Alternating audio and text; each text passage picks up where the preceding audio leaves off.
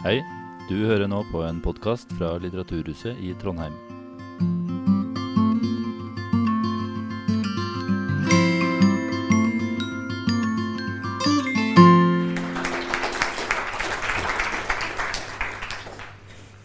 Velkommen til Sakprosafestivalen ved Litteraturhuset i Trondheim. Mitt navn er Jan Markus Johannessen. Denne samtalen vil også bli tatt opp både på video og på lyd og lagt ut i etterkant. Vi er alle en del av naturen og er flettet dypere inn naturens vev enn det vi kanskje er klar over. Naturen gir oss mat og medisin, et levelig klima og lufta vi puster. Dette gjør den gjennom tusenvis av små og store prosesser og skapninger som vi ikke nødvendigvis ser eller i det hele tatt er klar over at finnes. Når disse skapningene og prosessene er truet, så er menneskeheten truet med dem. Og vi står overfor en global katastrofe. Professor Anne Sverdrup Tygeson kom nå i høst med boken 'På naturens skuldre'. Og sammen med Signe Nybø, som er forskningssjef ved Norsk institutt for naturforskning, så skal vi prate om naturen, det usynlige mangfoldet vi tar for gitt, hva vi får av naturen, og hva vi som mennesker kan gi tilbake. Velkommen. Takk. Takk. Jeg tenkte, uh, Signe, kan ikke du fortelle litt kort om deg selv? Hva er det du driver med til daglig, og hvilken uh, utdanning og erfaring har du innenfor dette feltet? Ja, jeg heter Signe Nybø. Jeg er forskningssjef i NINA her i Trondheim. Eh, Nina, vi forsker på hvordan naturen fungerer, og hvordan den fungerer sammen med menneskene. Og hvordan vi kan begynne å gjøre bærekraftig bruk av naturen. Eh, starta med å sjekke, se på effekten av Tsjernobyl-ulykka i 1986. Og det holder litt, bitte litt på med ennå. Jeg har vært ute og målt radioaktivitet nå i høst, og det finnes fremdeles nå 30 år etter nedfallet. Men den er ikke skadelig i den nivåen lenger, da. Ellers så jobber jeg mest med å finne måter å måle hvordan den kvaliteten på norsk natur er. Såkalt økologisk kvalitet. Vi driver og jobber på oppdrag fra regjeringa for å finne ut om hvordan tilstanden i norsk natur er. Og det, resultatene fra det kommer mot neste jul. Og Anne, kan ikke du også likedan fortelle litt eh, kort om deg selv? Ja, nei, jeg er jo altså professor på eh, Universitetet på Ås, NMBU, som det heter så fint. Og så har jeg jo en 20 %-stilling som eh, vitenskapelig rådgiver i NINA, der Signe jobber. Men det er gjennom kontoret i Oslo, for det er der nede jeg bor. Um, og jeg er biolog. Jeg har en doktorgrad i bevaringsbiologi. Før jeg begynte å studere biologi, så studerte jeg historie. Og det syns jeg fremdeles er fryktelig spennende. sånn at um, Det er derfor det sniker seg inn litt historiske referanser her og der i, i bøkene mine.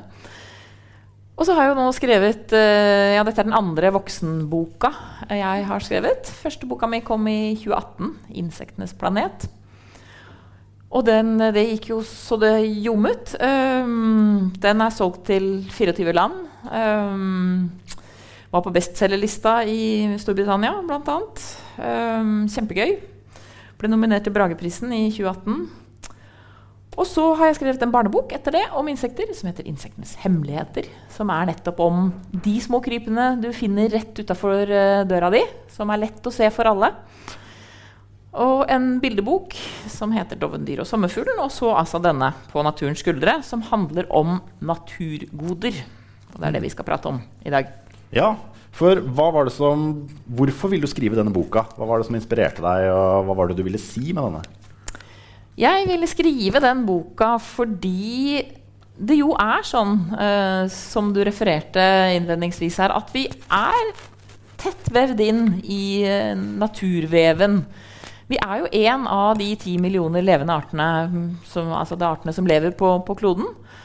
Um, og vi er helt avhengig av alle disse artene. Vi har ikke sjans uten dem.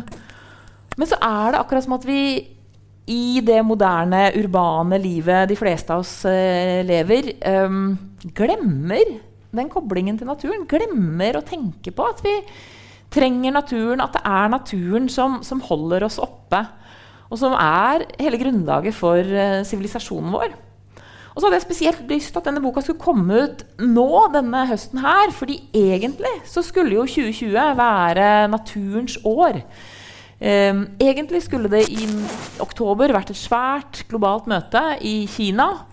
hvor verdens ledere skulle sittet sammen og meislet ut en ny global naturavtale. Um, hvor man skulle finne ut hvordan vi skulle gå framover nå for å faktisk ta vare på naturen, for å stanse tap av biologisk mangfold, som vi jo hadde noen fine mål om som uh, vi skulle klare innen 2020. Det klarte vi jo overhodet ikke. Så året i år var liksom året hvor vi skulle virkelig løfte sammen og, og se framover. Og da ville jeg at denne boka skulle komme ut før det, fordi jeg tenker dette her er altfor viktig til at vi kan la noen få politikere og forvaltere sentralt eh, bestemme rundt dette. Dette gjelder oss alle sammen. Dette gjelder livsgrunnlaget til oss mennesker. Og jeg ønsker meg jo at mange, mange flere skal både skjønne at dette er viktig, og skaffe seg den kunnskapen de trenger for å være med og diskutere det. Være med i samfunnsdebatten, mene noe om disse tingene her. Og legge press på de politikerne som faktisk da ok, nå neste år, 2021 isteden, håper vi, skal reise til Kunming i Kina og lage denne nye avtalen. Mm. Veldig god intensjon. I boka di så står det også på coveret hvordan ti millioner arter reddet, eh, redder livet ditt. Og eh, Signe, du som er uh, ekspert på norsk natur. Trenger vi alle disse artene? Holder det ikke på en måte bare med en håndfull? Du har oppdrettslaks, en eik, en bjørk og noen kuer. Kanskje litt gress. Og så klarer du deg greit med det? Uh, nei. Men det er faktisk sånn at når du leser boka til Anne, her, så ser du det er så mye intrikate ting som foregår i naturen som vi faktisk heller ikke skjønner. Så hvis vi mister en art, så kan det hende at det detter en viktig brikke vekk. Kanskje den ikke er viktig, men vi vet ikke på forhånd. Sånn at, øh, så jeg tenkt litt sånn øh, vi, vi, glemmer ofte det her med at hvor viktig det er at det som dør i naturen, blir brytes ned. Og lager ny næring for nye planter og nye arter. Og det her med jordsmonnet og alle de artene som finnes i jorda, dem trenger vi. Ellers så stopper sirkulasjonen av næringsstoffene opp, Og så blir det litt dårlig med matproduksjon og ja, trær, fisk, det meste. Mm. Der har jeg jo sett eh, kampanjer hvor bønder graver ned eh, bomulls-T-skjorter og sånn. Se hvor lang tid det tar før de smuldrer opp. Ja. Og det er da mikroorganismer og sånn i jorda som, som, trenger at vi passer på dem. Er det, hva er det vi kan gjøre som gjør at de forsvinner? Mm. Anne har jo et eksempel i boka si om uh, golfbaner i USA, der de brukte veldig mye sprøytemidler som gjør at nedbrytninga av det døde gresset går veldig sakte. Og da må du gjødsle for at de skal kunne vokse mer. Så det er et veldig godt, tydelig eksempel på det her. da. Ja, og Anne, du skriver jo også masse om disse små, nesten usynlige tannhjulene som gjør at ting fungerer, og at prosessene går. Ja, det er jo det som er eh, Det er derfor det er det, er det som gjør at naturen funker, på en måte. Det, alle disse skjulte, små, um, stemmeløse artene som tusler og pusler og, og driver med sitt. Ikke, ikke, for oss. Fordi det er jo ikke sånn at naturen er skrudd sammen for oss. Den er ikke der for at vi skal uh, si, bruke den. Men vi er så heldige at vi nyter godt av den jobben alle disse artene gjør. Med å ja, resirkulere næring, som, som Signe sier. Som er en helt grunnleggende prosess som har foregått siden livet krabbet på land. De, første plantene og de første uh, forfedrene og formødrene til insektene krabbet på land. Uh, så var det jo sånn at den planten måtte ha jord å, å, vokse i. Og det insektet måtte ha en plante å spise på. Og de to typene organismer har utviklet dette fine samspillet sitt gjennom mange mange hundre millioner år. og og det er det vi nyter godt av uh, i dag. Det er det som gir oss disse godene og tjenestene som ikke vi klarer oss uten. Som gjør jo er altså, naturen som en slags vaktmester, blant annet. Da, som, som, sørger for å rydde opp og resirkulere eh, ting som er dødt, og skal resirkuleres til ny, fruktbar jord. Eh, sammen med veldig mange andre prosesser. Ja, for vi mennesker har jo, som du nevner, på en måte brukt naturen litt som vårt eget uh, gudgitte fruktfat. Og hvordan ser dere at vårt forhold, menneskehetens forhold til naturen har forandret seg opp gjennom historien? Ja, nei, altså vi har jo brukt uh, vi, vi, er jo en del av naturen uh, og har alltid vært det. Så sånn sett er det klart at vi har alltid vært nødt til å forholde oss til naturen rundt oss for å skaffe oss uh, mat, gå på jakt eller fiske um, og etter hvert drive jordbruk. Um, det er jo en stor diskusjon og, og, et sammensatt bilde hvor mye vi mennesker påvirket naturen tidlig. Det er egentlig ganske spennende. Altså, jeg har et kapittel, delkapittel i boka som heter 'Kamel i California'. Og det er jo nettopp om det for ikke så mange år siden, altså si 15 000 år siden, tasset kameler rundt i Nord-Amerika, der hvor Los Angeles eh, og San Francisco ligger i dag. Eh, fordi kamelen kommer faktisk fra Nord-Amerika. Det, er der den stammer fra. Eh, der fins den jo ikke lenger. derimot så har vi tatt den over som tamdyr, og du finner den i helt andre deler, altså i type Asia og, og liksom arabiske stater. Um, men det er jo sånn at vi vet at veldig mange store dyr forsvant omtrent samtidig som menneskene kom til kontinent etter kontinent. Um, og det er en diskusjon som går blant forskere. Uh, de fleste mener at, at, menneskene hadde en betydelig påvirkning på det, men at det også kan være klimaeffekter som er involvert. Um, men det var jo sånn at uh, snittstørrelsen på pattedyrene i Nord-Amerika uh, falt fra litt over 100 kg til eh, Nå husker jeg ikke nøyaktig hvor mye. altså 98 til 8 eller noe sånt. Eh, I løpet av en ganske kort periode etter at eh, menneskene kom tassende over det tørrlagte Beringstredet med spyd i hånden og lendeklede rundt livet. Um, så sånn sett så har vi påvirket naturen lenge. Um, men altså de siste 100-200 årene har vi jo gjort det i et omfang som ikke vi har sett maken til noensinne i, i menneskets uh, historie. Jeg har lyst til å si at det, det er jo en litt sånn overdrivelse at mennesker lever i harmoni med naturen. For det ja. har vi ikke gjort. Vi så, men vi har mangla redskaper til å utnytte naturen eh, i sånn grad som vi kan gjøre i dag.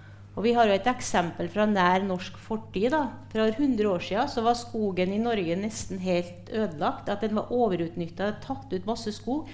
Sånn at eh, norske myndigheter fant ut at det her kan vi ikke leve med. Vi må gjøre noe for å få opp skogen tilbake sånn som den kunne vært. Og I 1919 så starta Norge da overvåking av skogens ressurser. Altså vi overutnytta, og samtidig så var elgen nesten borte, og rovdyrene var borte, og også mye av småviltet. Har, men det som skjer nå, at den omfattende påvirkninga vi har Vi har så mye redskaper at vi ser ikke helt konsekvensene av eh, det vi gjør. Mennesker har egentlig aldri vært veldig flinke til å ta vare på naturen. Vi har bare, hatt, vi har bare mer evne nå til å ødelegge den enn eh, en tidligere. Vi har, vært, vi har gjort det vi som art kunne gjøre. Si. Altså, det er jo ikke det at vi på noen, noe vis er onde eller har villet liksom, ødelegge. Det, det er, vi har jo bare sørget for å skaffe oss uh, mat det, med de midlene og på det viset vi, vi kunne. Mm. Um, men nå er jo poenget det at vi er jo så mange, ikke sant? Det er jo dette klassiske eksempelet som etter hvert har blitt ganske mye sitert, som er ganske slående. Hvis du veier alle pattedyr på jorda som lever akkurat nå, så er 60% av vekta det er våre husdyr. Først og fremst kyr. 60% altså! Det er sjukt mye! Og så er 30 Altså nesten ja, mer enn det. Altså, hva blir det for noe? Altså, to tredjedeler på den første, nesten en hel tredjedel, er vekten av oss selv. Av mennesker. Og det betyr at det er bare fire usle prosent igjen av den totale vekta av pattedyr som er ville pattedyr. Alle... Alt fra elefant og elg og mus. Eh, ikke sant? Det er bare 4% Og det er et ganske sånn sterkt bilde som viser hvor, hvor, mye plass vi tar. da. Um, vi og vårt. Og det er jo det som Naturpanelet uh, sier, at vi har omformet tre fjerdedeler av overflaten på, på jordkloden er, er gjennomgripende forandret. 85% av våtmarkene er ødelagt siden 1700. Osv. osv. Det er liksom tall på tall. Og poenget er jo at nå må vi skjønne at det her går utover oss selv hvis ikke vi bremser. Um, rett og slett. Ja. Du snakket jo om at, uh, Signe, om at skogene hadde blitt bygd opp igjen. Og sånne ting, og du sa du hadde jobbet i Nina siden 1986? Stemte det? Nei, siden 1910 i Nina. Ja. Ja. Nei, 2010, ikke 1910. Så gammel er du ikke, Ser- ser ung altså. ut, ja. Holder deg godt. Var der personlig da skogen ble gjennomreist. Nei, nei, jeg tenker på Du har jo jobbet hvert fall mye med, med liksom miljø og overvåkning. og sånne ting. Har du sett en endring av nordmenns forhold til miljø, og, hvordan, og ikke bare holdninger, men også om det blir gjort noe forskjellig? Er det nå mer vern og bevissthet rundt dette å ta vare på naturen? Altså, jeg oppfatter det at det siste året nå så har det vært mye mer bevissthet blant å ta vare på naturen blant folk. Altså, det er starta flere sånne aksjoner for å ta vare på natur. Og folk er reelt engasjert, og du, du viser det. Men når det kommer til handling på politikernivå, så skjer det nesten ingenting. Det er masse fine ord. Men, eh, og de går inn på internasjonale avtaler, naturpanel og andre ting. Og er veldig fornøyd om hvordan Norge gjør det. Men i praksis når det skal avveies mellom e- etablering av industribedrift eller natur, så er det dårlige eh, tiltak. Og senest i dag, hvis dere har lest NRK i dag, er det med å etablere en firefelts motorvei gjennom fra sør til nord. Ja, hele den E E39 E39, ja, så er det ingen som har tenkt på at myrene betyr vel, å bevare myrene er veldig viktig for å hindre økt klimautslipp. Eh, og det sier jo litt om eh, fokuset som eh, er i en del eh, av dem som tar avgjørelser, da. Har du noen eksempler på sånne lokale naturvernsaksjoner eller engasjement? Ja, eh, det som kom i Trondheim, eller i Trøndelag for et par uker siden, var jo nedbygging av det, det mm, våtmarksområdet oppe i Verdalen som heter Ørin, som er veldig viktig for fugl. Og der da selvfølgelig store bedrifter i eh, Verdalen, eh, Aker Kværner, trenger det arealet for å bygge ut. Og det er selvfølgelig så det viktig å, å beholde industrien. Vi skal ha arbeidsplasser. Samtidig er det veldig trist at akkurat de her våtmarksområdene som er viktige for fugl, forsvinner. da. Ja, nei, litt av utfordringen er jo den bit-for-bit-nedbyggingen. da. Ikke sant? At det, det er alltid andre gode argumenter. Og så er det ja, ja, men vi skal jo bare ta dette. Og så er det jo summen av, eh, av alt er det som blir mye. For mye. Så For Du snakker jo også om dette som eh, heter forandringsblindhet. ja, endringsblindhet. Endringsblindhet. Mm. Kan ikke du forklare litt, eh, litt om det, når du var inne på dette med bit-for-bit-nedbygging?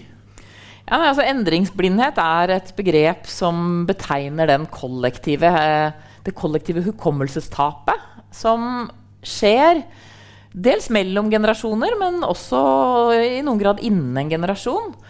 Fordi vi ikke lenger vet hvordan en type natur så ut før vi mennesker hadde påvirket den helt gjennomgripende. Um, begrepet kommer opprinnelig fra marin forskning. Uh, det var en, en forsker som heter Pauli, som oppdaget at hvis han spurte fiskere om uh, hvordan det si, så ut i havet, og hva de hadde opplevd i sin tid, altså sin, i løpet av sin yrkeskarriere som fiskere Når han spurte de gamle, de eldste fiskerne, så sa de at og det er så store forandringer i havet. Alle de største fiskeslagene er borte. Det er så mye som har skjedd. Mens når han spurte folk som eh, var yngre, som ikke hadde en så lang karriere, så sa de at nei, det har jo ikke skjedd noe særlig i havet. Um, det ser ganske likt ut. Det er de omtrent de samme fiskeslagene nå som da jeg begynte å fiske. Og da slo det han jo akkurat det at sant, disse yngre fiskerne de kom inn så sent at de ikke visste hva som manglet. De hadde aldri sett havet med masse hai, masse rokke, masse av disse største fiskeslagene. For de var faktisk fisket bort før deres karriere startet. Og problemet med det er jo at da, hvis vi da skal vurdere helsetilstanden til f.eks. havet i dag, og vi ikke vet hva vi skal sammenligne med, så har vi ikke mulighet til å gjøre oss opp en, en fornuftig mening om den helsetilstanden. Da, vi, da, da mister vi et, et, viktig poeng i forhold til hva som er, eh, er, tapt. Og det er vanskelig å motivere folk til å skjønne at uh, her har det skjedd noe, her må vi endre på noe. Det er vanskelig å motivere politikere til det samme. Um, og siden vi er inne på endringsblindhet altså Skog er jo et annet norsk skog er jo et annet uh, for så vidt godt eksempel, um, som Signe var inne på. Altså, skogen var gjennomgripende endret på, gjennom 1800-tallet. Um, og ja, uh, volumet er jo bygget opp igjen, men den skogen vi har i dag, er jo da i hovedsak et resultat av en fiberproduksjon. En bevisst oppbygging av fiberressursene av tømmeret. Um, 60-70% av norsk skog har vært flatehogd én gang. Det betyr at de fleste nordmenn har aldri sett en altså har aldri sett en urskog, for det har vi jo bare en prosent eller to av i Norge. Og har heller ikke sett noe som er i nærheten av en naturskog. De fleste ser den skogen som er i bymarka og tenker at ok, her er det noen gamle trær. Dette er nesten en urskog. Uh, og så blir det standarden for liksom, en naturlig tilstand av et økosystem. Og det er, er rett og slett ganske skummelt, fordi vi da ikke ser at vi allerede har pusha det økosystemet langt, langt vekk fra den tilstanden som det på en måte var fra naturens side. Og så er det ikke gitt altså Vi skal jo ikke tilbake til steinalderen, og, og det betyr ikke at vi ikke skal drive skogbruk i Norge. Men poenget er å vite, eh, være klar over at vi allerede har påvirket disse systemene mye når vi skal gjøre opp status i dag, og vurdere hvordan vi skal gripe det an med å restaurere, f.eks., som jo er en ting som gjøres både i, på myr og i skog. Mm. Ja.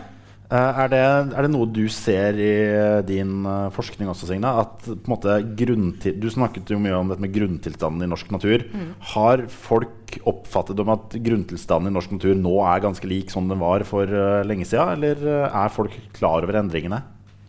Altså, på, eh, som jeg sa i stad, så er norsk natur var ganske mye eh, overforbrukt rundt 1900. Og tilstanden i norsk natur i dag er ganske god. Altså Den er god sammenligna med det, men problemet er jo det her med bit for bit-nedbygging, og vi ser ikke den samla effekten. Jeg prøver å bruke sammenligne det med diffus forurensning. Det kommer litt herfra, litt derfra. Hva er den samla belastninga? Hvilken cocktail av kjemikalier blir vi utsatt for? Og litt sånn er det med at vi tar en bit her, en bit der, og plutselig er det veldig ikke bra, da. I motsetning til f.eks. et oljesøl, da, hvor du har liksom ja. fugler som driver og plasker i ja. vannet, og sånne ting, så er dette noe du kanskje ikke ser, for det er så lite over lang tid. Ja. Men mengden forurensning er den samme, bare fordelt over lenger. Ja. Ja, så er det jo bare for å liksom, utdype litt det med skog. Altså, for det, ja, det er mye volum i norsk skog i dag, men, men er jo, den er jo gjennomgripende påvirket. Og vi vet f.eks. at altså, døde trær, som jo er levestedet til en tredjedel av artene i norsk skog Det høres rart ut, men sånn er det jo nettopp fordi disse vaktmestertjenestene med å resirkulere det som er dødt, er så viktige. Så er det en hel hær av organismer som bor i døde trær. Uh, og som er en viktig del av den vaktmesterarbeidsstyrken. Og vi vet det at uh, ja, hvis du sammenligner med 1900, uh, så har vi kanskje tre ganger så mye død ved i skogen nå som da. Og det høres ganske fint ut.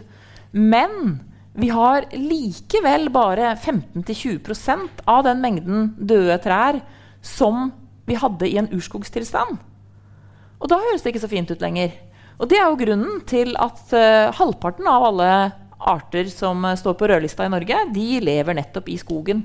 Det er en av de store, viktige Vi vet jo det at de fleste artene som er på rødlista, og som er skoglevende, de er der uh, fordi de trenger gammel skog med gamle trær og mye dødt trevirke.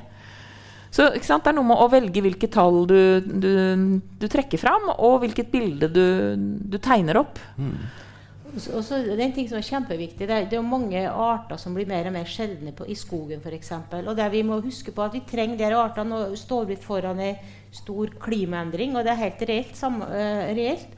Og nå, hvis du da har mange arter, så kan det, de tilpasse seg de mange nye miljøer. En, mer temperatur eller mer frost.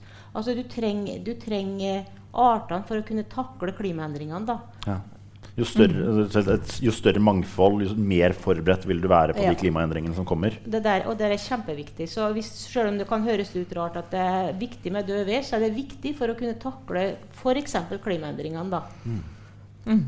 For det er jo, Hvis man ser veldig sånn kynisk på det da, og på en måte bare tenker industri og uh, utnyttelse av naturen, har vi ikke kommet til et punkt sånn teknologisk at vi kan erstatte veldig mye av naturen med, med det vi kan lage? F.eks. Uh, hvis det er forurensning, sånn, kan vi ikke bare sette noen sånn vannrenseanlegg og bruke litt moderne teknologi til å fikse det for oss? Det vi når først har ødelagt? Ja, en ekstrem grad av teknooptimisme selv til å være i teknologibyen Trondheim. Med NTNU og det hele. Um, altså, det korte svaret er jo igjen nei. Uh, og det er jo det hele, som er hele poenget um, med boka, egentlig. Da, å vise hvorfor det ikke er eller ikke hvorfor det ikke er mulig, men vise hvor mye snedig naturen gjør, som er aldeles gratis, og som i de fleste tilfeller fungerer bedre enn menneskeskapte erstatninger. Uh, et typisk eksempel er jo f.eks. Kyst, intakt kystskog. Um, mangroveskogen som eh, kanter eh, kystområdene, f.eks. i Sørøst-Asia. Det er studie på studie som dokumenterer at uh, når du har store naturkatastrofer i havet, altså type tsunamier, som den store tsunamien i Sørøst-Asia i var det 94? Var det det? Uh, 2004. 2004. 2004. Ja. Jeg tuller med tallene her, jeg også. Um, så ser man at de landsbyene som lå bak en intakt brem av mangroveskog mot havet, der var det færre menneskeliv som gikk tapt. Det var mindre infrastruktur som ble ødelagt. Og landsbyene kom raskere på fote igjen eh, økonomisk. Og det var rett og slett fordi at mangroveskogen fungerte bedre som en flomdemper enn alle disse flomforbygningene og moloene som var blitt bygd der hvor mangroveskogen var fjernet. Eh, gjerne fordi vi, det var bygd Scampi-farmer isteden. Um, et annet eksempel er jo bare å tenke seg pollinerende insekter. Uh, vi vet at akkurat nå her ute, og kanskje ikke akkurat i Trondheim, men i verden totalt, så lever det et sted mellom 1 og 10 trillioner insekter akkurat nå. Og en trillion er et ett-tall med 18 nuller bak, så det er fryktelig mange. Så la oss bare si at en ikke en promille engang av dem eh, bidrar til pollinering, så kan du begynne å tenke deg ok, hvis du skulle lage liksom en, noe? en billion droner som skulle fly rundt og pollinere alle de ville blomstene i verden og alle matplantene våre. Altså Verdensøkonomien ville jo knele eh, om de så bare kostet et øre stykket. Liksom. Og, og, hvor skulle du produsere dem? Altså, og hvorfor i verden skulle vi gjøre det når det fins gratisløsninger som fungerer? Ja, og så En annen ting, da, for det er en misforståelse å tro at, uh, at, vi kan lage ting, teknologiske ting og produsere masse. fordi at eh, Hvert år så møtes verdenslederne i Davos for å finne ut hva som truer verdensøkonomien. Og nå i år, i 2020, så var det det som truer verdensøkonomien, det er, de, det er fem miljøproblem på topp.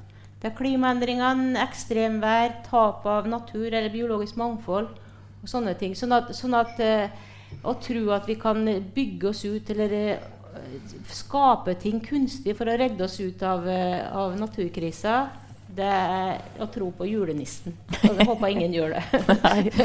For du har et eksempel også på den kunstige gjenskapingen som du skriver om i boka di. Så tenkte du skulle få la, lese litt derfra. Ja, nei, det har jeg jo helt det, I slutten av boka så um, beskriver jeg jo et, et, eksperiment hvor vi prøvde nettopp det du, du sier, da, å gjenskape um, med teknologi um, en fungerende natur. Så jeg skal lese akkurat det ja, en side cirka. I Sonora-ørkenen i Arizona ligger en underlig samling bygninger.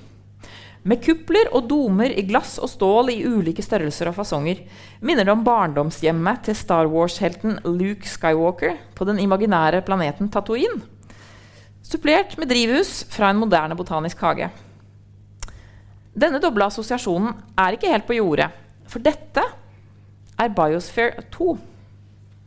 Bygd som en komplett miniverden for planter og dyr og mennesker. En test på om vi kunne kopiere et levelig, lukket økologisk system. Bl.a. for å finne ut om vi kan etablere oss et annet sted i verdensrommet. For å gjøre en lang historie kort det gikk ikke særlig bra. Ganske raskt etter at fire menn og fire kvinner ble låst inne i 1991 i et slags toårig økologisk Big Brother-eksperiment, begynte problemene. De fleste virveldyra og tilnærmet alle de pollinerende insektene døde i løpet av kort tid. En maurart som ikke var invitert, men bare hadde sneket seg inn, dominerte raskt på mannskapslista for småkryp, sammen med kakerlakker. Vindelplanter vokste ukontrollert og blokkerte sollyset for andre planter, inkludert matplantene.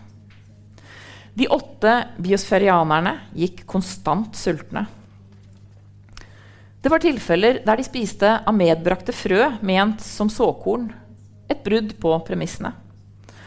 Oksygennivået falt så farlig lavt at forskningsledelsen ved to anledninger måtte bryte forseglingene for å pumpe inn mer oksygen. Hvorfor ble eksperimentet kalt Biosphere 2? Fordi Biosphere 1 er jorda, vår hjemplanet. Stedet der disse livssystemene faktisk fungerer. Der naturens ufattelig mange usynlige arter er flettet sammen i et langsiktig, dynamisk samspill. Og slik leverer de godene og naturtjenestene vi mennesker trenger for å leve.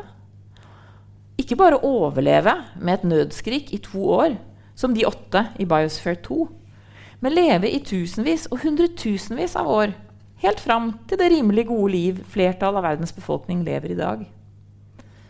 Biosphere-eksperimentet illustrerer det forskningen også viser.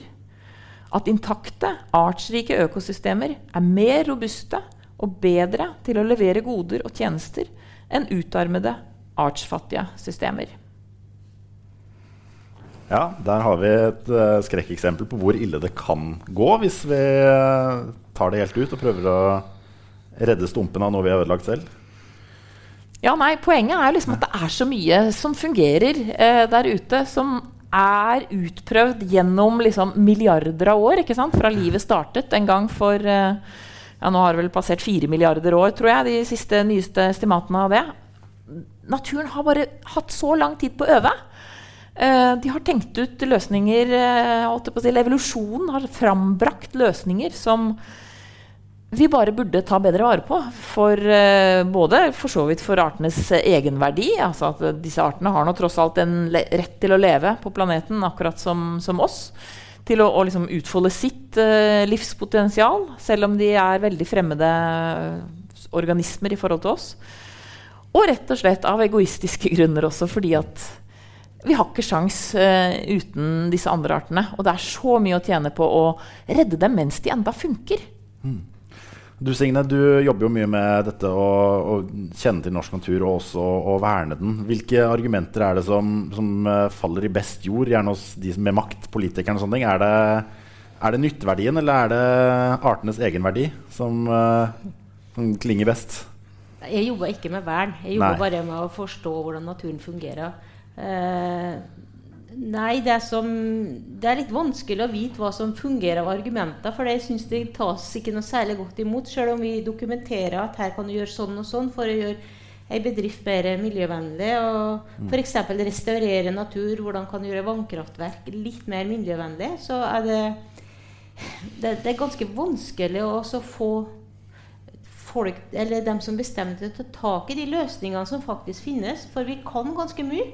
Så det er egentlig bare å sette i gang eh, på masse ting her. Og nå er vi går jo inn i FNs tiår for restaurering.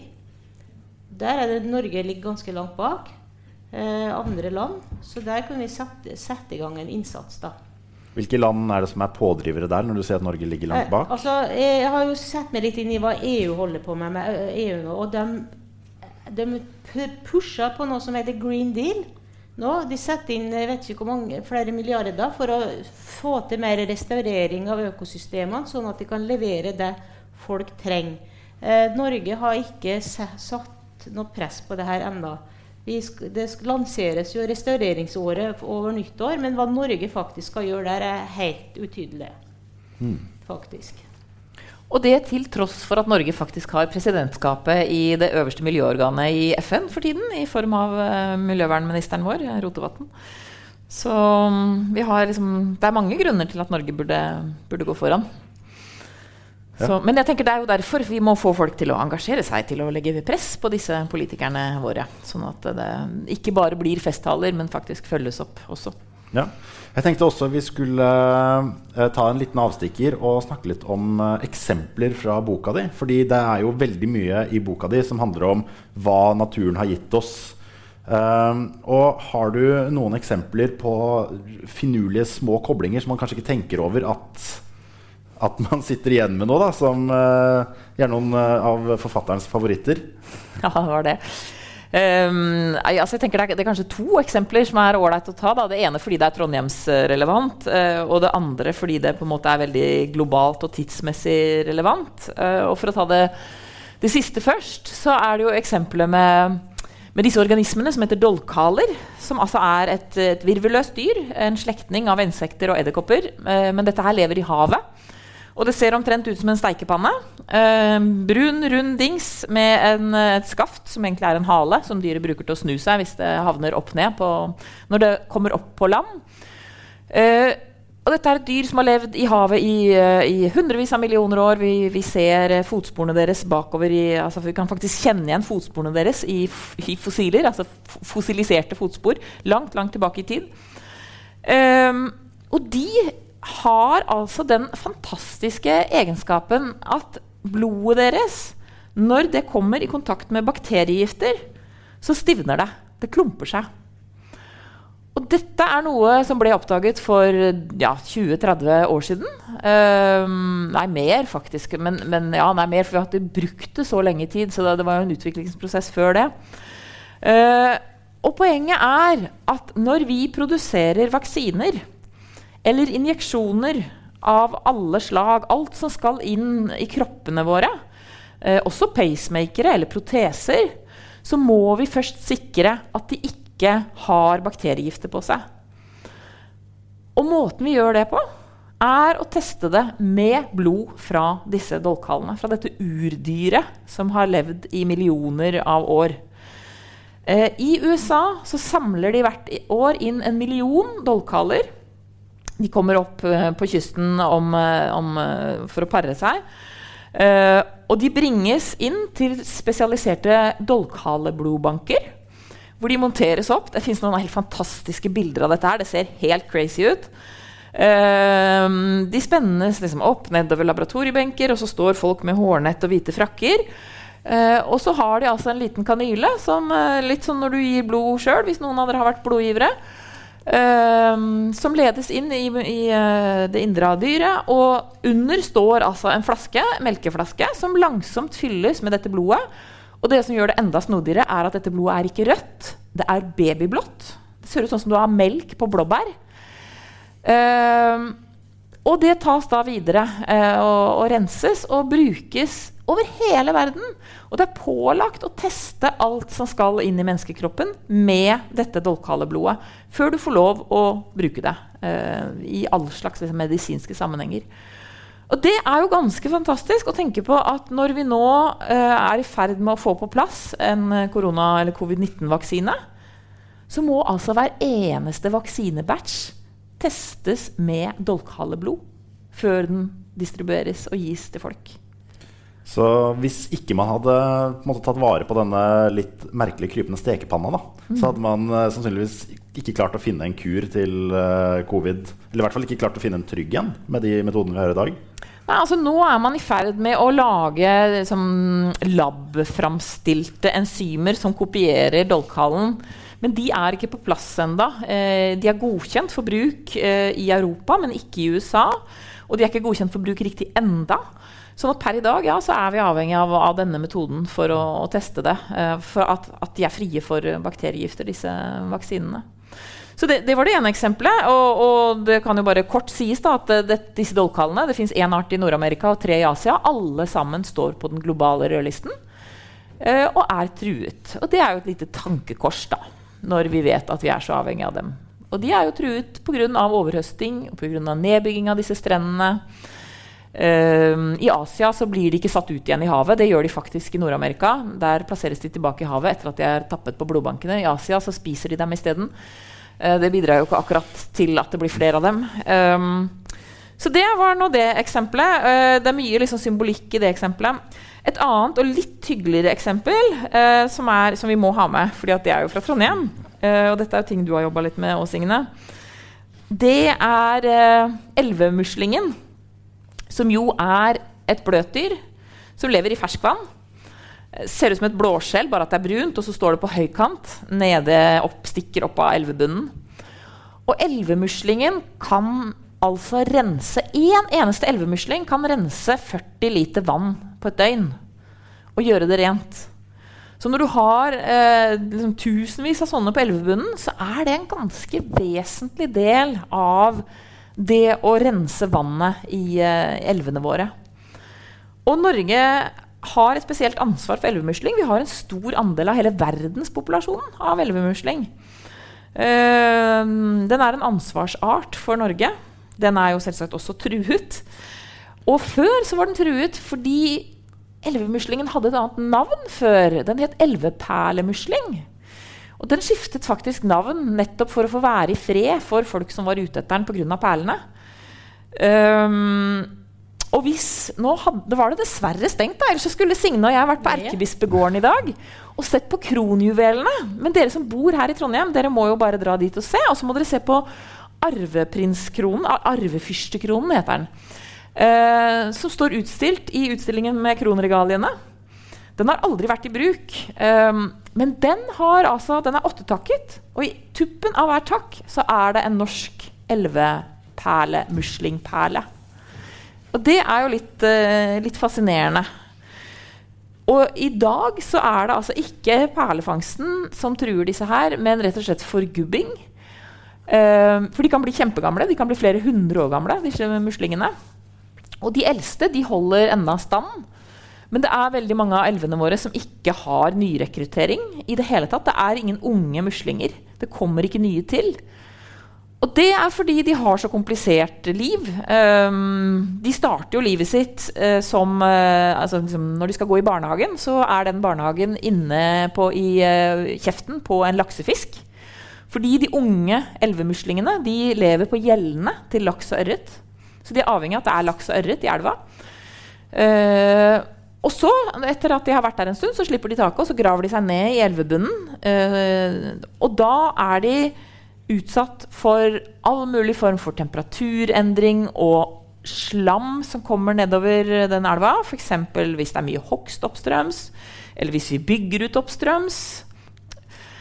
Da blir de rett og slett kvalt der de ligger nede i, uh, i grusen før de i det hele tatt får sjansen til å stikke skallet sitt opp. Så det er jo Håper å si uh, Ja, en, uh, et eksempel på en av disse på vassdragenes vaktmestere som hjelper oss å holde vannet rent. som sliter pga. det vi driver med av andre aktiviteter. Og som vi burde ta vare på igjen fordi de gjør en fin jobb for oss helt gratis. Men der har det vel også vært gjort forsøk på å prøve å lage en sånn uh, elvemuslingbarnehage? Mm. Jeg vet ikke om du kjenner til det? Nei, Nei ikke. Det, er ikke, det, er ikke, Nina som har jobba med det, Nei. kanskje? Nei, for der har man, laget, eh, der har man rett og slett flyttet uh, Laget et slags barnehjem da, for disse små muslingene. Sånn at de kan vokse opp i et, eh, et, eh, hyggelig møblert hjem inne i store tanker.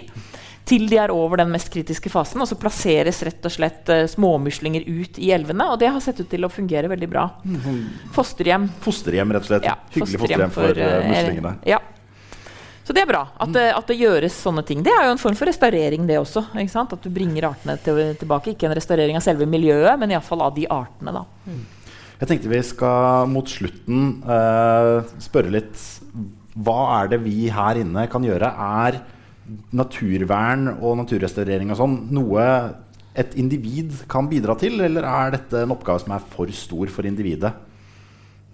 Nei, jeg, jeg syns eh, alle som, som skjønner betydningen av natur, må engasjere seg og si fra og være med å diskutere i media. For det er det eneste som nytter til å få politikerne til å, å prøve å handle. Så det er det ene. Og det andre, sånn enkelt i hjemmet, så er at man prøver å resirkulere det og, og bru, egentlig også kjøpe Altså ikke bruke for høyt forbruk, men heller bruke pengene på å kjøpe tjenester, gå på restaurant, gå på kino, teater. At man prøver å vri, vri bruk, forbruket vårt til, til, andre ting enn det å ha stadig nye ting. da. Så gjenbruk er kjempeviktig. Sånn uh, humlekasser og det å ikke klippe plenen, har det, har det, en effekt? Jeg tror kanskje i praksis er det ganske liten effekt, men det var veldig trivelig å se da, at humlene kommer i de her eh, humlehotellene. og Litt blomster i plen. Jeg er veldig glad i løvetann i plen sjøl, så der har vi en liten krangel i heimen, faktisk. og du Anne, hva tenker du om dette? Ja, nei, jeg tenker Det er kjempeviktig at, uh, at folk engasjerer seg. Både fordi at det å skaffe seg kunnskap og, og være engasjert påvirker uh, våre private liv, sånn som du er inne på, Signe. og ja, ok, det er en dråpe i havet, men havet er jo ikke noe annet enn en samling dråper. da. Sånn at summen av det betyr faktisk noe. så det er det ene. Og det andre er jo at det gir det, det, påvirker vi, hvilken stemmeseddel vi plukker med oss, og det påvirker hvordan vi stiller krav til politikerne. Altså det påvirker hva de prioriterer. I, og dette her er jo viktig. ikke sant? Dette her, Effektene av uh, naturkrisen den rammer jo alle likt, enten du stemmer Frp eller Rødt eller noe imellom. Sånn at alle partiene må jo få uh, et miljøprogram som tar naturen på alvor, på plass. Hvor man ser klimakrisen og naturkrisen under ett. Og det, det tenker jeg, det er, det er, derfor det er viktig at mange engasjerer seg. For det må påvirkes over en bred front. Og jeg har jo en drøm om at eh, det skal bli et sånt folkelig engasjement som bygger seg opp som en bølge som er så, så stor eh, at vi faktisk får til en en reell endring eh, i politikken og i hverdagslivene våre. At vi får jobbet på begge Både, både det lille og store, det store perspektivet. For det, det, er det som må til. Og så tenker jeg det er viktig at vi forteller om det på en med at vi ikke bare graver oss ned i triste, sørgelige ting, men at vi ofte kan bruke det med morsomme fortellinger som en inngang som Um, det går an å snakke om og ta vare på alt det fine som vi ikke har lyst til å miste, istedenfor å si at alt går uh, åt skogen. Mm. Og da er det kanskje litt lettere å få folk med seg. Ja, en veldig god konklusjon. Tusen takk til Signe Nybø. Tusen takk til Anne Sverdrup Tygeson. Mitt navn er Jan Markus Johannessen, og jeg syns vi skal gi dere en god applaus.